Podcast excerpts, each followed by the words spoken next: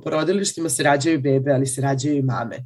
I jako je bitno da pričamo o ovoj temi, jako je bitno da se bavimo ovom temom, jer to kako žene izađu, da li će izaći sa osmehom i pune samopouzdanja ili će izaći ubijene u pojam sa traumom koji će vući za čitav život, ali nema veze, živa sam, ove, je zaista, zaista nešto što igra, što igra ulogu u životu jedne žene čitavog života.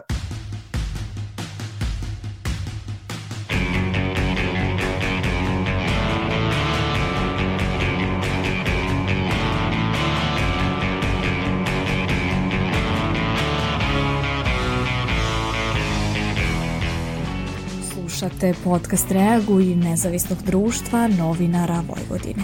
Ja sam Ila Gajić, a na ovoj epizodi radile su i Sanja Đorđević, Sanja Kosović i Irena Čučković. 87. epizodu podcasta Reaguj posvetile smo važnoj temi koja je posljednjih nedelja aktuelna u medijima. Govorimo o tome kakav je tretman trudnica i porodilja u Srbiji, ali i kako je pandemija koronavirusa uticala na to. Koleginica Sanja Kosović razgovarala je sa Aleksandrom Bilinović i Eleonidom Kopilović, dvema ženama koje su postale mame tokom pandemije koronavirusa i svoje iskustvo podelile sa nama. Sanja? Aleksandra Bilinović imala je prirodni porođaj početkom novembra prošle godine, a u bolnici je provela tri dana. U bolnicu ušla dan pred porođaj, a kako ona kaže, generalno je zadovoljna uslovima u kojim se porađala. Aleksandra za podcast reaguje i objašnjava kakve mere su bile na stazi na porodiljskom odeljenju. Pa bile su mere takve da nije bilo znači poseta, morale su da se nose maske, e, morala sam da pazim na to da uvek ima masku na licu i da ne budem u nekom velikom kontaktu, znači da budem odvojena od te crvene zone, da se ne šećkam po bolnici. E, što se tiče pravila za dolazak na porođaj, e, pre nego što te odvedu, sprovedu na odeljenje, vrše testiranje, ukoliko si negativan ideš u zelenu zonu, ukoliko si pozitivan ideš u crvenu zonu i onda je sve znači, regularno kao i pre korona. Samo što nema, kažem, poseta i moraju da se nose maske. Bebu sam videla odmah nakon porođaja i zajedno sa mnom je sprovedena u sobu tako da sam svo vreme bila sa bebom. E, partner nije mogao da dolazi e, iz prostog razloga što je na snazi bila ta zabrana poseta. On je samo mogao da dođe po nas kada smo izlazili iz bolnice.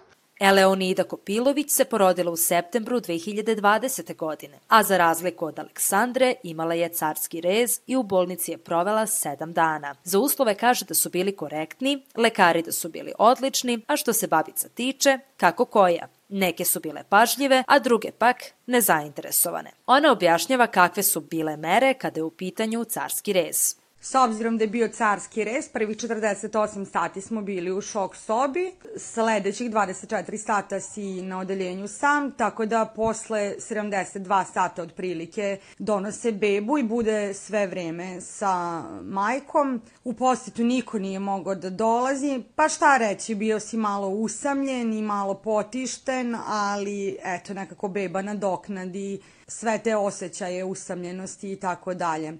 Prvi porođaj jeste bio u pitanju, bio jeste strah od svega, ali odnosom i timom lekara imaš osjećaj sigurnosti i sve nekako dođe na, na, na svoje. Strah je svakako bio prisutan i kod Aleksandre, ali od samog porođaja, ne i od virusa. Kad ideš na porođaj, strah uvek postoji. Ovaj, u principu što se tiče korone sam se osjećala sigurno. Strah je postojao od samog porođaja, od tog straha od porođaja nisam mogla da razmišljam o drugim strahovima. Nisam se brinula da ću se zaraziti u bolnici iz prostog razloga što sam bila smeštena u dvokrevetnu sobu i ovaj, uslovi su bili higijenski zaista. Ovaj utisak deli i Eleonida. Nije me brinula korona, bili smo u izolaciji uh, u običnom delu. Nismo smeli da napustimo sobu, uh, svi su bili testirani, svi su bili negativni, tako da nisam osjećala neki strah da ću se zaraziti u bolnici. Eleonida je čitavu trudnoću vodila kod privatnika, zato što je htela da ispekne gužve, a samim tim i potencijalnu zarazu. Ipak, kako ona kaže, određena testiranja pokušavala je da radi državno, ali se dešavalo da su termini bili prebukirani ili da lekara nije bilo. Što se tiče vođene trudnoće, ja sam cijelu trudnoću skoro iznala ovaj privatno. U domove zdravlja sam slabo odlazila. Termini u bolnici naravno da nisu postojali. Postojali su samo za genetiku koja je bila prebukirana i taj ceo jedan mesec koji je, je trebao da se uradi između 12. i 13. nedelje, taj double test, nije postojao ni jedan lekar e, koji je radio u bolnici, a niti nažalost privatno, pošto su dolazili lekari iz Novog Sada ili Beograda, čak je, je bila takva mera ovaj, zbog korone, da, da nisu mogli da dođu, tako na to sam morala da, da pričekam i to je jedini test koji sam preskočila. Što se tiče ostalih državnih pregleda, funkcionisao je samo e, dispanzer, dom zdravlja za žene, u koji ja nisam isto odlazila zbog straha eto i od zaraze i, i ostalih stvari.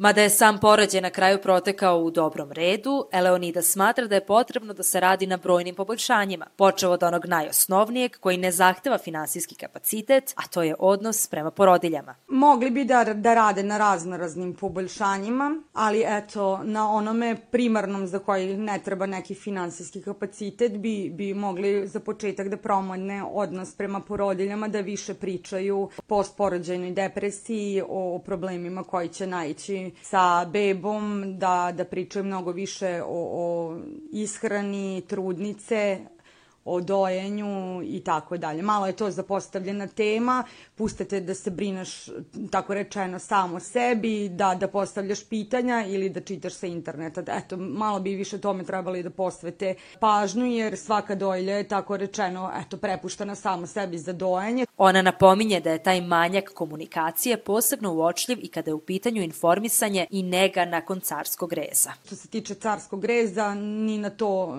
ne obraćaju previše pažnje, samo ti kražu u kratkim crtama koje stvari smeš da radiš, koje ne, ali i da se javiš ukoliko bude neke komplikacije, ako dođe do zagnojenja rane, sepse ili tako nečega. Posle sedam dana je skidanje konaca, posle toga su pregledi jednom u mesec dana, tako da eto to bi moralo da se poboljša s obzirom da, da je to ipak komplikovanija vrsta porođaja. Sa druge strane, Aleksandra ističe da je problem koji je ostao isti još od njenog prvog porođaja svakako hrana koja se daje porodiljama. Obroci su jako mali.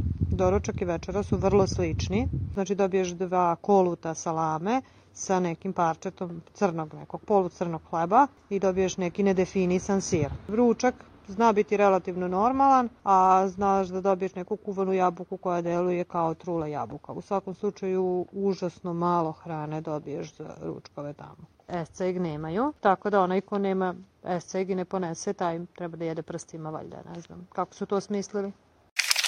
Statistika pokazuje ono što su nam Aleksandra i Eleonida ispričale. Tretman pacijentkinje u porodilištima u Srbiji nije na zavidnom nivou. Centar za mame je već skoro godinu dana deo jednog velikog istraživanja koje vodi Pedijatrijski institut iz Trsta i koje se bavi procenom nege u porodilištima u čitavom svetu, odnosno u evropskom regionu Svetske zdravstvene organizacije. U ovom projektu učestvuje 19 zemalja, a prvi rezultati objavljeni su na osnovu istraživanja u 12 država. Centar za mame je na ovom projektu partner za Srbiju. Kako objašnjava Jovana Ružičić iz ove organizacije, dosadašnji rezultati pokazali su da je u svih 12 posmatranih zemalja urušen kvalitet nege i brige o porodiljama rezultati za Srbiju, nažalost, nisu baš sjajni, pogotovo svako, po, po skoro svakom parametru, sa tim da je jel te, bitno da istaknemo da to nije evropsko u smislu da su sve evropske zemlje is, is, učestvovale u tom istraživanju, nego nego istraživanje iskustava u ovih 12 zemalja u kojima je Srbija po mnogim parametrima među ovaj, u, u ekonomsko ne najboljoj poziciji i tako dalje i tako dalje. To su uglavnom sve zemlje Evropske unije. Tako da sa te strane ove, ove rezultati ne, ne iznenađuju, zato što mi mislimo u Centru za mame, pošto se bavimo temom akušarskog nasilja već dug niz godina, verujemo da bi slični rezultati bili i van pandemije, a opet sa druge strane e, vidimo da su i neke mnogo bogatije i mnogo demokratskije zemlje od ove naše ove, i tekako dosta loše prošle na tom istraživanju, te eto, ali, onda, ali su se onda snašle, tako da mi ovo istraživanje i rezultate koje su došli iz zemalja kao što su, ne znam, Francuska, Nemačka, Španija i tako dalje, koje su sve zemlje koje su bolje prošle na ovom istraživanju nego mi, vidimo kao poziv da imamo odakle da naučimo šta je, šta je tu urađeno. Kako objašnjava naša sagovornica, istraživanje se fokusiralo na četiri aspekta koje je definisala Svetska zdravstvena organizacija, kao što su briga o porodiljama, briga o bebama i uopšte kako je na sve to uticala pandemija. nemamo istraživanje sličnog, slično pre pandemije, ali ono što znamo iz našeg iskustva već godinama koliko se bavimo ovom temom je da je to gotovo uvek odnos, odnos prema porodiljama. Tako da i čak i sada mame, ovaj, mame u ovom istraživanju su rekle da isto nisu bile zadovoljne odnosom, od toga da se nisu ovaj, osjećale kao da imaju aktivnu ulogu u svom, svom porođaju, do toga da se često nisu pitane šta se pred njima dešava. Recimo, brojka do koje smo, neki od brojke koje možemo da pomenemo je da broj žena koje nisu dobile lekove za ublažavanje, por, ublažavanje bolova tokom porođaja je 46,2. Dakle, skoro pola žena u Srbiji tokom pandemije nije moglo da primi epiduralnu anesteziju, dok je taj broj recimo samo 4,6 u Francuskoj koja je došla do ove, koja je imala u ovom istraživanju za to konkretno najbolji rezultat. Ono što jeste opet tu bitno da se, da se spomene je da ovakvi rezultati i uopšte ovakav tretman žena u porodilištu je prvo više decenijski problem, takođe je rezultat više decenijskog neulaganja u zdravstveni sistem. Dakle, ne možete da ne ulažete, ne ulažete, ne ulažete, ne ulažete, ne ulažete i onda da očekujete da će rezultati biti drugačiji. Pored sistemskih problema u zdravstvu, loš odnos prema porodiljama odraz je i odnosa prema ženama u čitavom društvu, smatra Jovana Ružičić od toga da Srbija školuje lekare za Evropu, a ne za našu zemlju, a opet ti mladi ljudi odlaze zato što ovde ne mogu da pronađu posao, zato što zaposlenje u zdravstvu košta hiljade i hiljade evra u koverti ispod stola. Od toga do toga da za našu, za, za konkretni slučaj Srbije, ja zaista mislim da su ovi rezultati posledica jednog tradicionalnog društva kako to Srbija svakako jeste. Mi smo um, kultura koja ne voli žene previše, mi smo kultura koja ne podržava žene previše, pa samim tim ove brojke koje mi imamo iz srpskih porodilišta, ono što je jedinstveno za njih je da ne mislimo da je tretman svih bolesnika u svim bolnicama loš, odnosno pacijenata. Ali ono što je unikatno za porodilište je da su svi pacijenti pacijentkinje, da je naše očekivanje od žena da će da rađaju u bilo kakvim uslovima, jer su naše čukun babe rađale po poljima, pa eto, ne spominjujući se koliko je bio njihov životni vek, koliko je, te, koliko je te dece preživelo i u krajnju ruku ne spominjujući se zašto bismo se porađali u poljima ako, ako smo u 2022. godini. Dakle, to je jedno očekivanje od žena da će one da ne obraćaju, da će one prihvatiti bilo šta, prihvatiti bilo kakav tretman i biti samo srećene zato što su izašle sa, žive i zdrave sa bebom. A žene iz iskustva našeg kažu da svaka deseta žena u Srbiji ne želi nikada više da postane mama, odnosno ovo, ovo je rezultat našeg istraživanja od pre sedam godina, da jedan, svaka deseta žena ne želi da postane mama samo zbog iskustva koje je imala u porodilištu. Dakle, iskustvo u porodilištu je jako, jako bitno za dugoročni odnos prema sebi, prema sobstvenim reproduktivnim kapacitetima, prema sobstvenoj želji da li ćete imati dete ili još dece jednog dana i vrlo prema sebi u odnosu kako ćete sebe posmatrati kao majku. I zato je jako bitno u porodilištima se rađaju bebe, ali se rađaju i mame. I jako je bitno da pričamo o ovoj temi, jako je bitno da se bavimo ovom temom, jer to kako žene izađu, da li će izaći sa osmehom i pune samopouzdanja ili će izaći ubijene u pojam sa traumom koji će vući za čitav život, ali nema veze, živa sam, ove, je zaista, je zaista nešto što igra, što igra ulogu u životu jedne žene čitavog života. Kao što smo rekli na početku epizode, tema odnosa lekara prema porodiljama bila je aktuelna tokom januara i početkom februara. Uz to oformljena je i grupa na Facebooku pod nazivom Stop nasilju u porodilištima, koja trenutno broji preko hiljadu i po članova i članica. U njoj žene dele svoje iskustva koje su preživele, a često je u pitanju upravo akušersko nasilje o kome je govorila i naša sagovor sagovornica Jovana Rušičić. Kako kaže žena koja je ovu grupu i napravila, možda jedna priča ne može promijeniti ništa, ali lavina takvih i tekako hoće. Klinički centar Vojvodine do izlaska ove epizode nije odgovorio na zahtev za intervju sa doktorkom ili doktorom iz Betanije, dok su privatne klinike koje smo kontaktirale odbile da o ovome govore s obzirom da sam porođaj one ne obavljaju. Ali hajde da probamo da priđemo problemu i sa još jedne strane. Sanja je razgovarala sa psihološkinjom o uticaju pandemije koronavirusa na trudnice.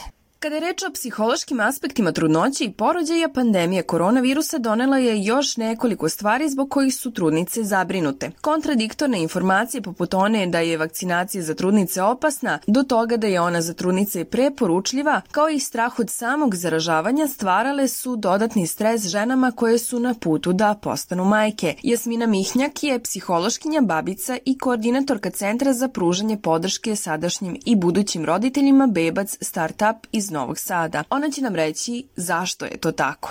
To su neki dodatni strahovi koji se na ovu razvojnu krizu nadovezuje kao ne, i koji se negde percipiraju kao ugrožavajući, pogotovo na početku kada nismo imali toliko informacija o tome šta sve e, ovaj virus može da donese, pa i tu bilo različitih e, faza, od one faze da virus uopšte ne napada trudnice, do toga da smo u jednom trenutku imali jako puno loših vesti o, to, o nekim smrtnim ishodima trudnica i porodilja i naravno da su one bile zapravo preplašene iz prvo straha od bolesti, pa zatim od straha uh, za bebu, kako će to da utiče na bebu, šta ako se beba zarazi, koje to posledice može da ima po bebu, a zatim i čak kod trudica koje se nisu toliko uplašene od same korone, se zapravo boje toga da će ti tretmani biti drugačiji, zato što su sada odvojena ta odeljenja E, neke trudnice čak e,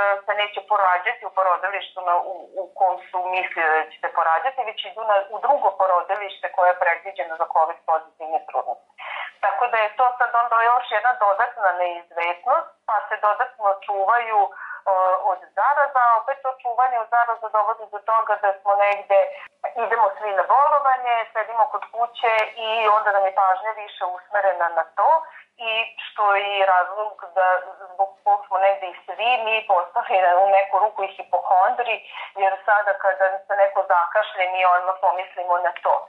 I to je onda još dodatno izraženo kod trudnica koja kada sedi kod kuće i razmišlja samo o tome i razmišlja o signalima koje šalje telo, a telo zapravo šalje različite signale tokom trudnoće, se promene velike dešavaju i onda zapravo šta god da je se desi u telu, ona može da percipira kao da je to neki problem i zapravo krene život da joj se negde vrti samo, samo oko toga.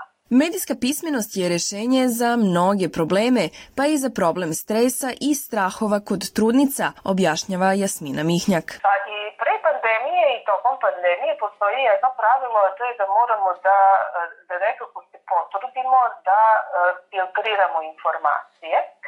I to je nešto što će kasnije da nam pomogne i kada beba dođe na sebe. Zato što zapravo danas mi imamo pristup uh, različitim izvorima informisanja i ukoliko krenemo da se preinformišemo, da tražimo informacije na jednom i na drugom i na petom mestu, uh, to zapravo nas samo dodatno zbunjuje i opterećuje i negde nismo sigurni u to koje nas informacije pripremaju za porođaj i roditeljstvo, a koje informacije nam zapravo donose više štete nego, nego koristi. Pa bi samim tim negde i ovde savjet bio da trudnice odrede neki izvor kojem veruju i da to bude onda da prate taj jedan izvor, ako je to lekar, onda da donesemo odluku da ćemo slušati samo tog lekara i da nećemo slušati ovo ostalo, ili ukoliko i slušamo i čujemo negde da ćemo te druge informacije barem dovesti u pitanje i proveriti opet sa nekom osobom koje, ili izborom kojem,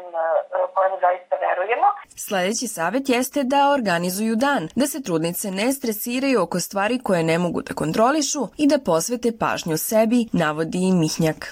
Ide negde je savet da se podeli dan. Toliko e, čak i sede kod kuće i izolovane su, ne idu toliko nigde da bi sad e, sačuvale svoje zdravlje, da pronađu način kada će da okupe pažnju nečim drugim. Da li će to biti priprema bebine sobe, spremanje stvari za porodilište ili nešto što uopšte nema veze čak sa tim. Znači da iskoristimo priliku recimo da naučimo neki jezik, da e, pišemo nešto, da čitamo nešto što nema nikakve veze sa trudnoćom i porođajem, a da određeni deo dana posvetimo tome. Znači da kažem, ja se pripremam za porođaj u periodu od, ne znam, 5 do 6, svaki dan uradim svoje vežbe, vežbe disanja, otušam neki program, e, neki kurs za pripreme za porođaj, pročitam neki tekst, a ostatak dana posvetim nekim drugim stvarima i da razgraničimo one stvari e, na koje imamo e, uticaj od onih na koje ne možemo da utičemo. Znači, kada ne možemo da utičemo na nešto, ne treba da se nerviramo i da razmišljamo o tome unapred. Ukoliko se takve stvari dese, tada ćemo ih rešavati. A sada dok ih nema, jel da radimo ono što možemo da radimo. Šta možemo da radimo? Možemo da se informišemo na pravom izvoru, možemo da zdravo hranimo, možemo da izbegnemo gužve u zatvorenom prostoru, ali isto tako možemo da šetamo na otvorenom prostoru i to je neki savjet da što više se ide napolje, da što više šetaju jer onda tu će i sresti nekoga, opet je na otvorenom manje je mogućnost da se zaraze, a veća mogućnost da ipak dođe u kontakt s drugim ljudima, popričaju o nekim stvarima koje nisu isključivo vezane za za trudnoću i bebu. I negde još jedan ovaj, savjet bi bio da i u trudnoći i nakon porođaja malo više pažnje posvetimo sebi. Jer negde je, postoji ta tendencija da stalno razmišljamo o tome kako je beba. Čak i sada žene se javljaju nama i pitaju ako sam ja sad pod stresom, da kako to sad utiče na moju bebu. Jako je važno da, da na prvo mesto stavimo sebe, jer toj bebi treba zdrava mama.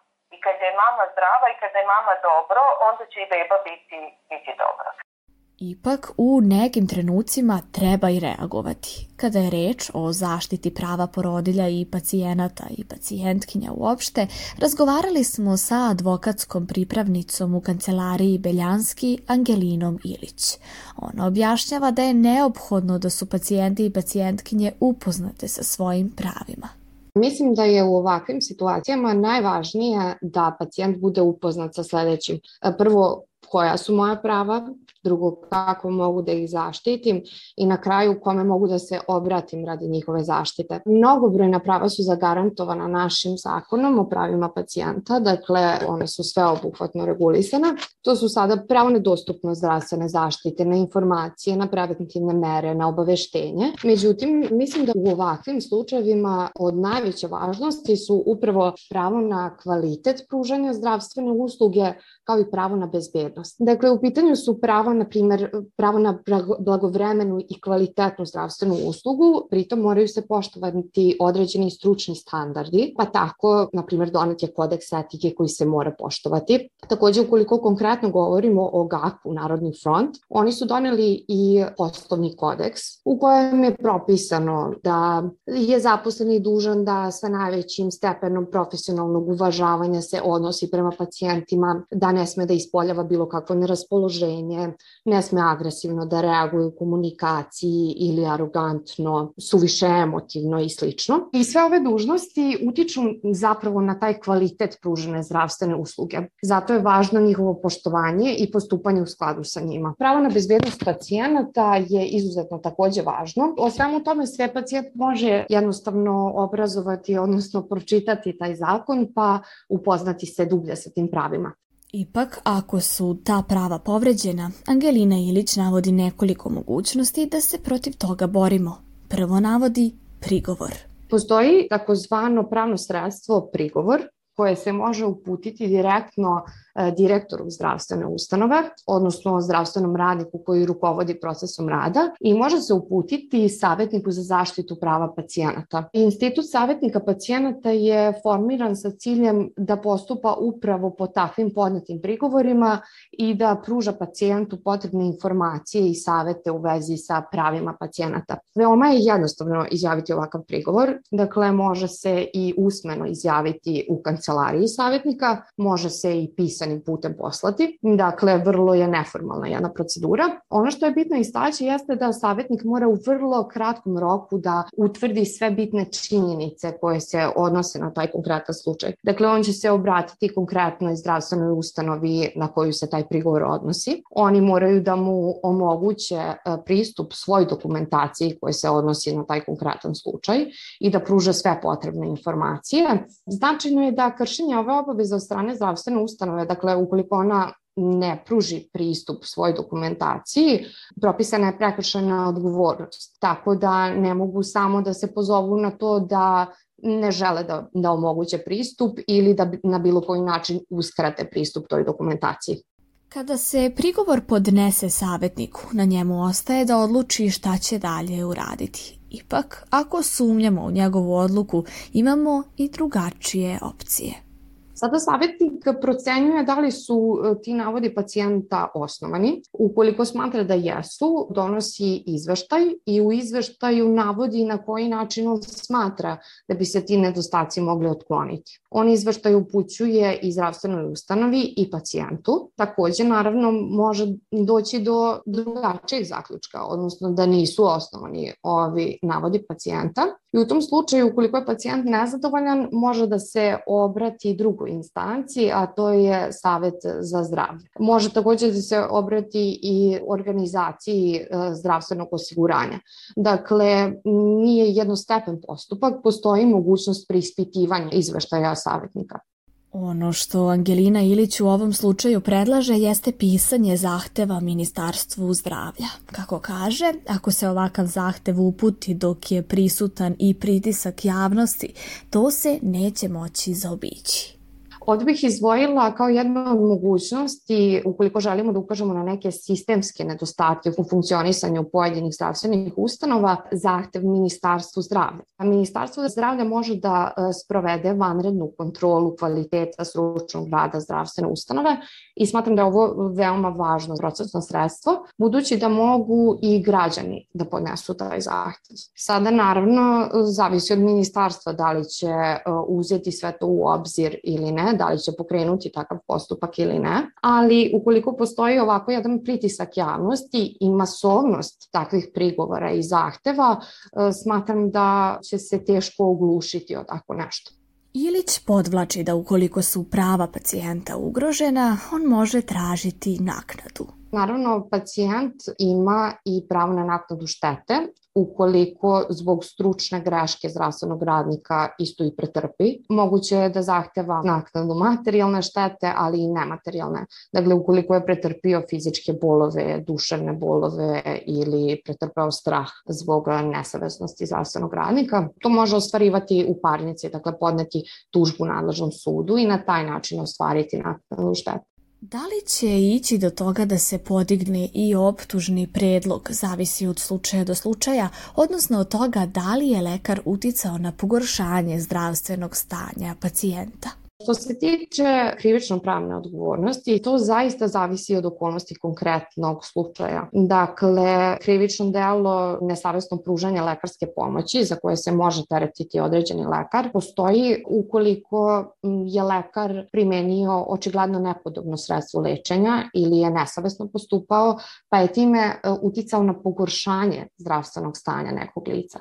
Dakle, ovdje je neophodno da dođe do takvog pogoršanja stanja, a da li postoje osnovni sumnje, odnosno osnovana sumnja da je neki lekar učinio krivično delo, zavisi od tužilaštva. Dakle, ono bi isprovalo istragu, izvodilo različite dokaze i onda ocenilo da li će podići optuženi predlog. Kako bi nešto uspelo da se promeni, Angelina Ilić ističe da je neophodno podneti što više prigovora pre nego što se podnese zahtev i ministarstvu. Smatram da bi bilo e, jako dobro da se podnese što više prigovora savjetniku, zato što savjetnici sačinjavaju mesečne i tromesečne izvrštaje i šestomesečne, ukoliko se ne varam, i podnose ga savjetu zdravlja. Tu će oni navesti koliko prigovora je podneto, vezano za šta, da li sve to ukazuje na neki sistemski nedostatak u određenoj zdravstvenoj ustanovi. Dakle, smatram da bi svako kome se desi neko iskustvo za koje procenjuje da je povredilo neko njegovo pravo, da treba da se obrati ovim prigovorom. To su pravna sredstva koje treba koristiti. Imamo ih na raspolaganju s razlogom. Dakle, treba se obratiti institucijama, treba donekle i verovati institucijama. Samo na taj način ćemo videti da li one funkcionišu ili ne. Razumno je da strah postoji, ali Ilić podvlači da pritisak javnosti može dosta poboljšati stvari nezahvalno je zaista, ali baš zato ja mislim ukoliko postoji masovnost tih prigovora da će to jačati žene i omogućiti im da oforme neki zajednički glas kojim će možda lakše ishodovati promene. Ovako kada pojedinačno podnesu prigovor, smatraju da su same, da niko neće postupiti po tome, a zato je jako bitno da, da govorimo javno o ovome i da se podiže svest. Samim tim, verujem, kada postoji pritisak javnosti, svašta nešto može da se uradi. Značaj pritiska javnosti potvrđuje i Jovana Ružičić iz Centra za mame. Ona kaže da je dobro što su žene počele više da pričaju o svojim iskustvima u porodilištima, ali i da situaciju neće promeniti društvene mreže, već zakoni. Bitno je, bitno je da žene pričaju, zato što tim prvo spoznaju da nisu jedine koje su imale loše iskustvo. Nažalost, jako je bitno da pričaju, da podele svoje iskustvo i to njihovo pričanje može da da neke male konkretne rezultate u porodilištima odakle dolaze. Ali ono što je užasno, užasno još bitno je da žene prijavljuju ovakve slučajeve. Društvene mreže jesu dobre jer nam daju pravo da podelimo svoje priče i da nam, da nam daju pravo da dobijemo i empatiju i da se druge žene ohrabre da podele svoje priče, ali društvene mreže neće promeniti svet, promenit će zakoni. Zakoni postoje, postoji zaštitnik prava pacijenata. To je trenutno usluga koja je lokalizovana, odnosno koja dolazi iz lokalne samouprave. Dakle, to nije osoba koja je u bolnici, samim tim ta osoba možda ima veću šansu da bude nezavisna nego da je kolega, odnosno koleginica, oni koji su tu već zaposleni. Hajde sve da prijavimo. Postoje sudovi. Jedna osoba sama može malo toga da uradi. Sto žena može mnogo više. A zamislite šta tek mogu hiljade. A ovo su zaista iskustva hiljade žena. Mislim da je dobro da pričamo, ali je jako bitno i da prijavljujemo. Ovim završavamo 87. epizodu podcasta Reaguj nezavisnog društva novinara Vojvodine u kojoj smo govorile o uticaju pandemije koronavirusa na tretman trudnica i porodilja u Srbiji. Pišite nam u Facebook grupi Podcast Reaguj kakva su vaša iskustva u vezi sa ovom temom. Kao što smo nekoliko puta napomenule, pritisak javnosti je od izuzetnog značaja. Dostupni smo i na mailu podcast.ndnv.org. Slušamo se ponovo uskoro, a do tada ne zaboravite da čekamo na vas, vaše komentare, iskustva i predloge tema koje možete slati i na Twitteru i Instagramu gde se nalazimo pod imenom NDNV Media Hub ili na TikToku gde smo pod imenom Reaguj Podcast. Naš rad možete pratiti na kanalima na iTunesu, Stitcheru, Castboxu, Sounderu, Google podcastima, Spotifyu Deezeru, kao i na sajtu podcast.rs. Ukoliko želite da nas podržite, uradite to baš šerovanjem, komentarom, deljenjem svoje priče ili preko sajta donations.ndnv.org.